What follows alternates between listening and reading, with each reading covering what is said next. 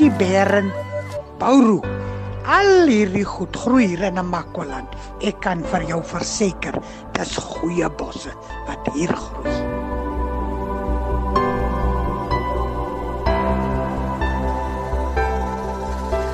Kakiebos, kamferbos, gannabos. Kounie B karabos.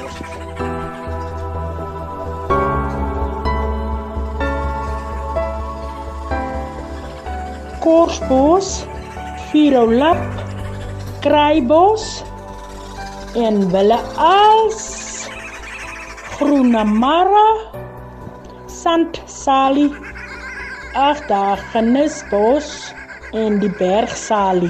By die Virolap gooi ons bokdrolle, bokmis om kan die medisyne maak.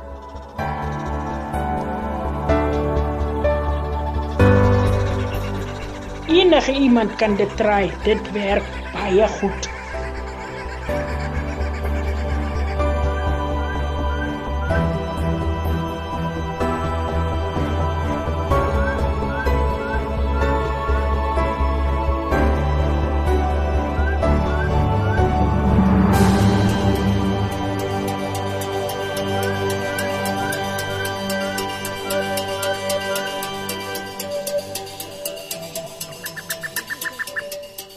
Geloof eh, is dit baie moeilik om wetenskaplik geloof te verklaar want geloof is per definisie iets waaraan jy glo wat jy nie kan sien nie. Die eintlike hoofdoel is om net dit te dokumenteer. Omdat dit so vinnig besig is om te verdwyn, wil ek dit baie graag so vinnig as moontlik dokumenteer en opskryf en bewaar vir die nageslag. Ons het die afgelope jare nogal hard gewerk in die Kaapgebied om hierdie kennis op te skryf. Die res van Suid-Afrika is meer permanent omdat die meeste van die pantesprekende kulture het 'n lewende plantkultuur nog steeds. Hulle lei nog steeds sangomas op, krye dokters op. In die Kaap, ons praat nou veral van San en Khoi mense. Daardie kennis is vinnig besig om te verdwyn. Want Kaapse mense het nou grand geraak. Ons drink nie meer bossie medisyne soos ouma nie. En natuurlik dit is 'n internasionale tendens. By die internasionale plantkundige kongres in, in 2017 in China was daar 'n deklarasie gemaak dat kennis oor die natuur is net so belangrik soos die natuur self. Net soos wat 'n spesies kan uitsterf, so kan die kennis van die natuur ook uitsterf. Daar's ooglopende goed soos ja nuwe produkte maak, 'n nuwe voedselsoort dalk of 'n nuwe een of ander chemiese verbinding wat iets is. Dat dit gaan ook oor byvoorbeeld ekotourisme. Een van die besondere dinge van Suider-Afrika, die aantrekkingskragte is die kulturele diversiteit wat daarmee saam ook die biologiese diversiteit, die plante en die diere. Mense kom van oor die hele wêreld om hierdie ongelooflike skouspel van Suid-Afrika se diversiteit te kom ervaar die Richtersveld homself in Namakoland. Hier is plante wat jy nêrens anders in die wêreld kry behalwe hier. Namakoland en Richtersveld, hier is 4300 is endemies in die area. Dit kom net hier voor. Vertel my 'n bietjie van die medisinale plante. Dis nogal 'n groot pluspunt. Ah, ja, wie ons het die Jantjie Bern wat ook genoem raak die Sutherlandian of die kankerbossie. Waarom gebruik dit mens nou vir verkoue, griep en maagverwante siektes en so aan? Terwyl ek nou daar is, die dassiepus nie. Ek het nou onlangs het ek met 'n Duitse groep getoer wat vir my toe hulle sien op my toerplan daar is dassiepus in toe bring hulle vir my dassiepus salf van uit Duitsland uit en hy salfie is nogal wonderlik ah. doen yes. dan behalwe nou dit dit is 'n uh, stapilia Aruna. Aruna is ook 'n naam woord, maar sy Latynse naam is Achiridopsis stapelia. Vir hom gebruik die mense ook vir hoë bloed en suiker. Is dit 'n vetplantjie of hoe sê jy? Ja, dit is 'n vetplantjie. Dit is 'n vetplantjie. Kamferbos, gannabos. Kounie B, karabos. Jantjie beren. Wille knoffel, veldpatat, bouru. Al hierdie goed groei hier in Namakwaland en mensdom. Dis ook nie so maklik om hulle in die hande kry nie, maar ek kan vir jou verseker, dis goeie bosse wat hier groei. Katbos, kykie piering en dan is daar nog tandpynbos. Rooi jy katbos en kom roo, as dit reën in die klein kano. Katbos is 'n krui met 'n wel riekende blom. Uh dit ruik so chic, chic lemoengeur as hy in die veld is. En ons kan broe is ons veldkos. As jy nou uit kos uitraak in die veld, dan loop grou jy nou 'n kambroe. Maar jy grou nie daar by die kambroe waar jy net een kry nie. Jy loop grou daar waar daar so 10 kambroe is, grou jy vir jou twee uit en jy eet vir jou knippel dik tot oor 2 dae. As die trein by Noupoort fluit en dit wegraak in die wind en 'n tolbos iewers vasvaai teen die rand. Ruik jy katbos en kambro as dit reën in die klein karoo.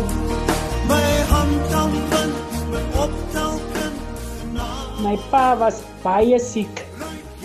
Toe moet ons daarie die bokmes en die fidolap saam kook en toe het mamma my vir papi daarin gebaai. Laat die kors kan breek en toe het hy van die medisyne gedrink en het hy net beter geword.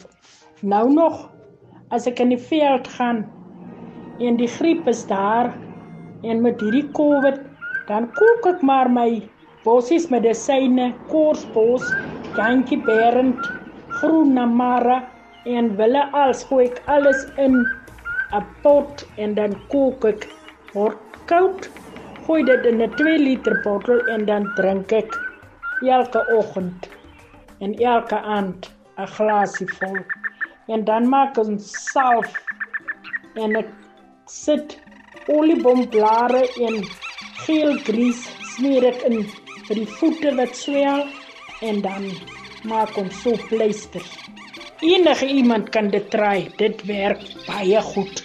Dit is maar seker maar die beste wat jy vandag sal kry.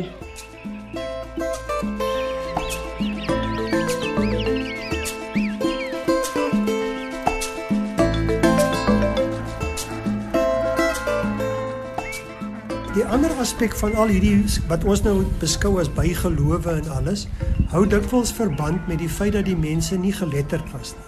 Met ander woorde, hulle kop is nie vol boekkennis geprop nie. Hulle het oeroue kennis wat hulle van hulle voorouers gekry het. Wat jy hoor, moet jy onthou.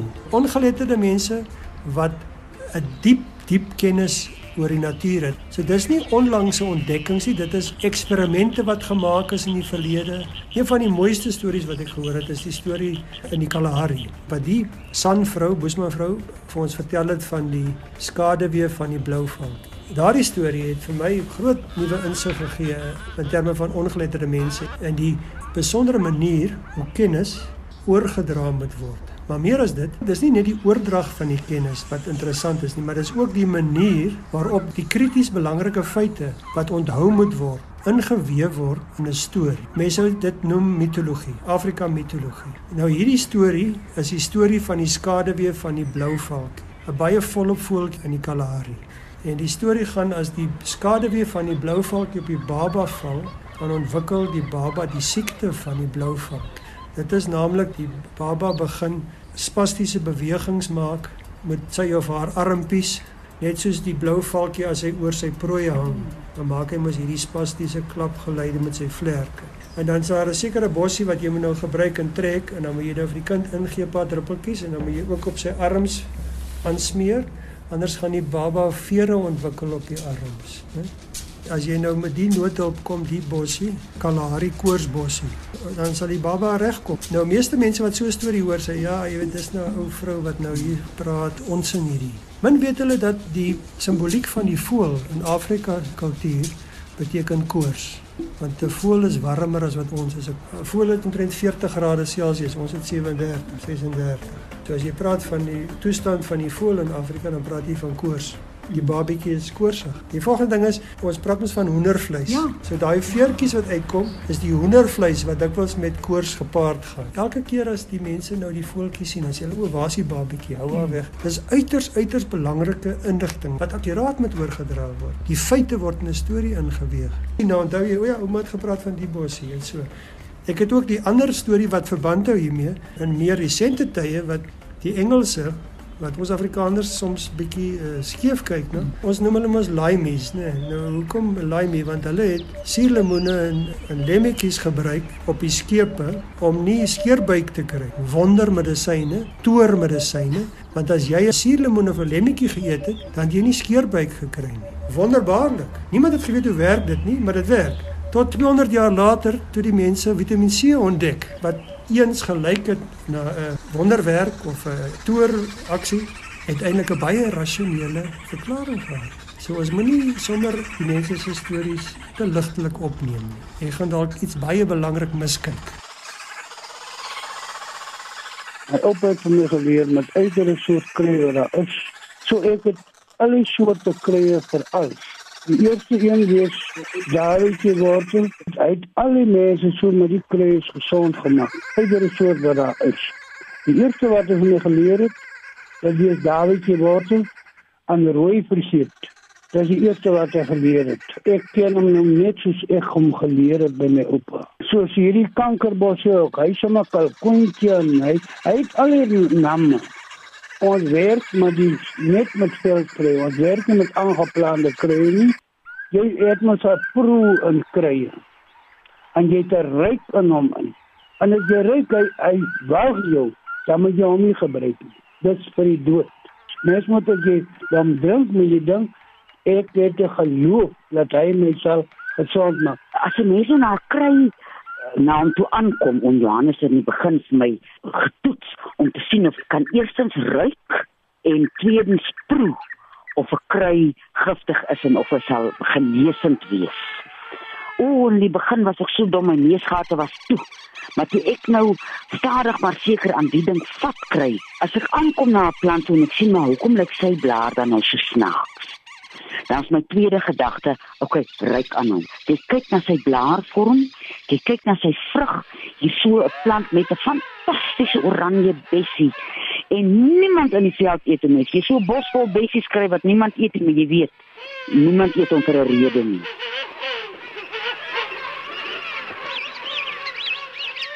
Groot voordeel van 'n studie wat ons onderneem het is dat die taal van die navorser en die deelnemer dieselfde taal is.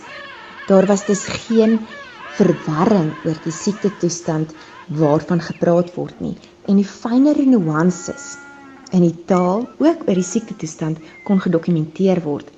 Ek dink aan 'n paar soos skreeustuipe.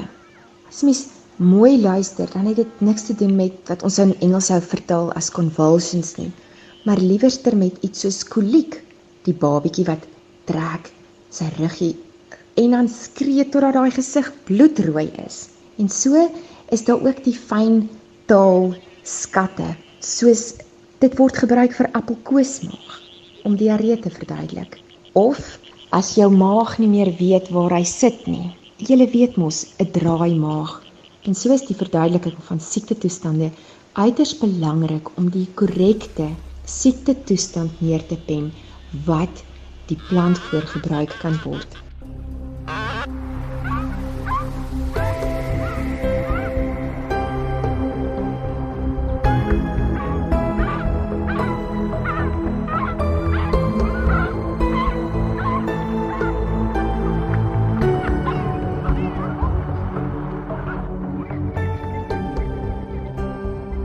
Ons verwerk kruie in die Oeverberg. Ons het spesifieke kruie gekies. Ons verwerk dit na vlugtige olies, na ekstrakte en gebruik ook hulle aktiewe bestanddele om te bemark in die buiteland, omdat die mark soveel groter is in die buiteland. Ons verbou baie roosmaryn en al lyk alle roosmarynplantjies almal dieselfde of amper soortgelyk, is daar verskillende chemotipes en ons het die chemotipe Verbinon gekies omdat dit baie antioksidante bevat en ook verskeie ander eienskappe het. Ons verbou ook verskeidenheid van inheemse plante vir vlugtige olies.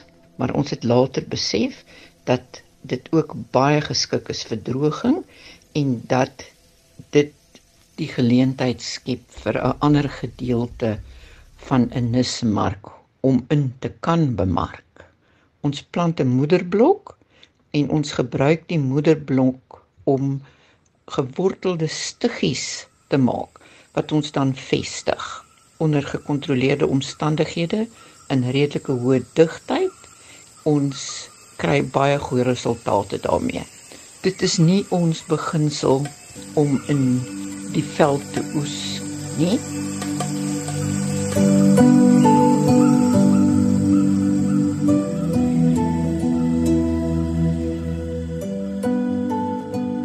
Kyk na boegoe byvoorbeeld, baie baie bekende medisinale plant. Een van die dinge wat ons vroeg geleer het, is om die volksmondname van kruie verby te gaan, want dit identifiseer nie die plant wat jy mee besig is nie. Ons werk nou maar met botaniese name en die twee boegoes wat ons mee werk is Agathosma betulina en Agathosma crenulata, twee baie verskillende boegoes om dit nou eenvoudig te stel, as jy na 'n plant gaan kyk en jy sou of 'n ekstrak maak of 'n olie maak en jy analiseer die olie, dan het die olie konstituente wat baie spesifieke eienskappe het. En die som van daardie eienskappe is wat vir jou die eienskappe van jou plant gee. Boegoe, behalwe dat dit medisinaal aangewend word, se grootste kommersiële gebruik is dat dit 'n geur enhancer is. Dit maak geur sterker en spesifiek bessiegeure. En nou verwys ek na Agathosma betulina, nie die ander langblaar boegoe of crenulata nie. Dit behou nog steeds die medisinale waarde. Maar omdat dit 'n geurversterker is, word dit gebruik in die industrie om die geur van bessies veral in dranke te versterk.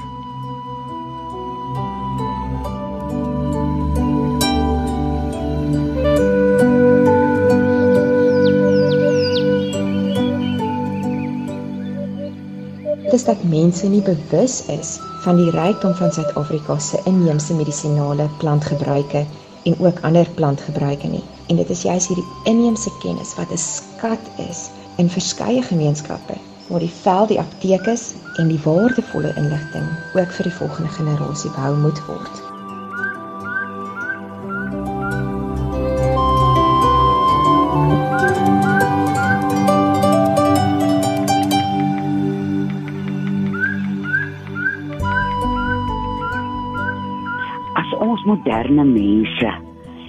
Elke dag tyd maak om kontak te hê met moeder natuur.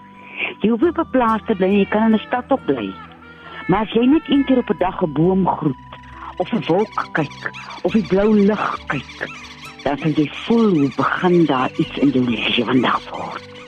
En dit is my waaroor die wonderlike waarde van krye gaan. Die geneesende waarde van moeder natuur as 'n mens daar tyd maak om die son op jou kop te voel en dan voel jy eintlik hoe gaan jou hart oop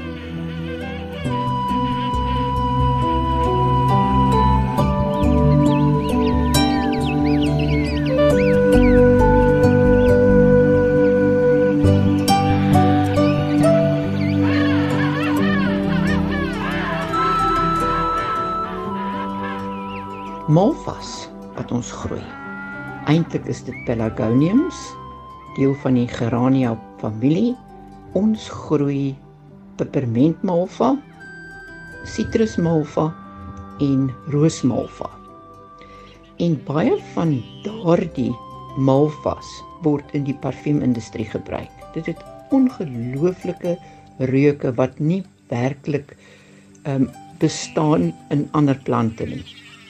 As ons byvoorbeeld kyk na ons peperment malva, Pelargonium tomentosum, dit het 'n pragtige sagte peperment reuk.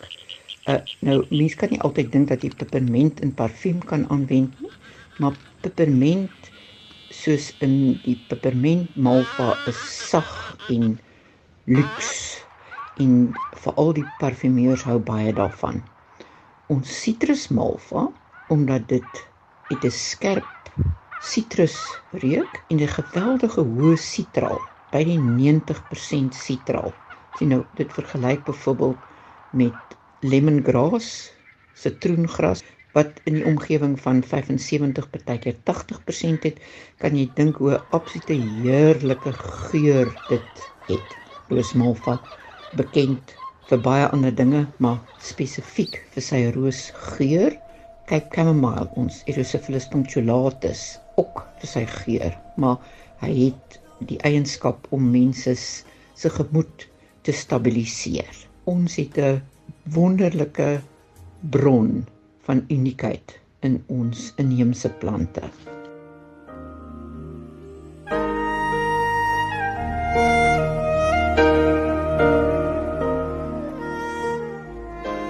Baie inheemse bome wat genesende eienskappe bevat. Maar ek wil een boom uitsonder wat ons almal eintlik 'n eksemplaar in die tuin moet hê. En dit heet die inheemse peperbasboom met die botaniese naam Warburgia salutaris en moet hom nie verwar met die peperboom wat iets heeltemal anders is nie. Die peperbasboom se bas en blare kan benut word. Die bas word veral regdeur Afrika gebruik as teenvoeter teen verkoues, griep en borskwale. Om sinusse oop te maak, word die bas fyn gemaal en as snuif gebruik. En sy blare kan ook in potjiekos gebruik word wat dit 'n heerlike pepergeur gee. En dit is baie aantreklike immergroen boom met 'n ronde kruin en glansende blare. In ons land kom dit voor vanaf Zululand in die Limpopo provinsie. Die boom was deur die eeue onder die Afrika bevolking benut en so gewild geword dat hy die natuur begin skaars raak het. Gelukkig kweek hy baie maklik vanaf saad en steggies en vandag wyd beskikbaar in kwekerye en ook te koop in twee botaniese tuine, die een in die noorde by die Walter Sisulu botaniese tuin en Kersmos in die suide. En dit is baie geskik vir die vir kleiner tuine en groter tuine waar ryp nie te kwaai is nie. En hy groei redelik vinnig. Inderdaad 'n boom met helende eienskappe. Die boom se botaniese naam sê eintlik alles. Die soortnaam Salutaris beteken helend en goeie gesondheid. Sy geslagsnaam Warburgia vereer Dr Otto Warburg, Duitse Jood wat 'n groot plantkundige bydrae gelewer het en hy het 'n uh, vervolging ervaar kort voor die Tweede Wêreldoorlog en is teen gediskrimineer weens sy identiteit. En daarom toepaslik dat president Nelson Mandela in 1997 'n peperbasboom naby die tuiningang van Kersfees geplant het. Die boom kan as simbool van genesing vir ons land wees in alle opsigte.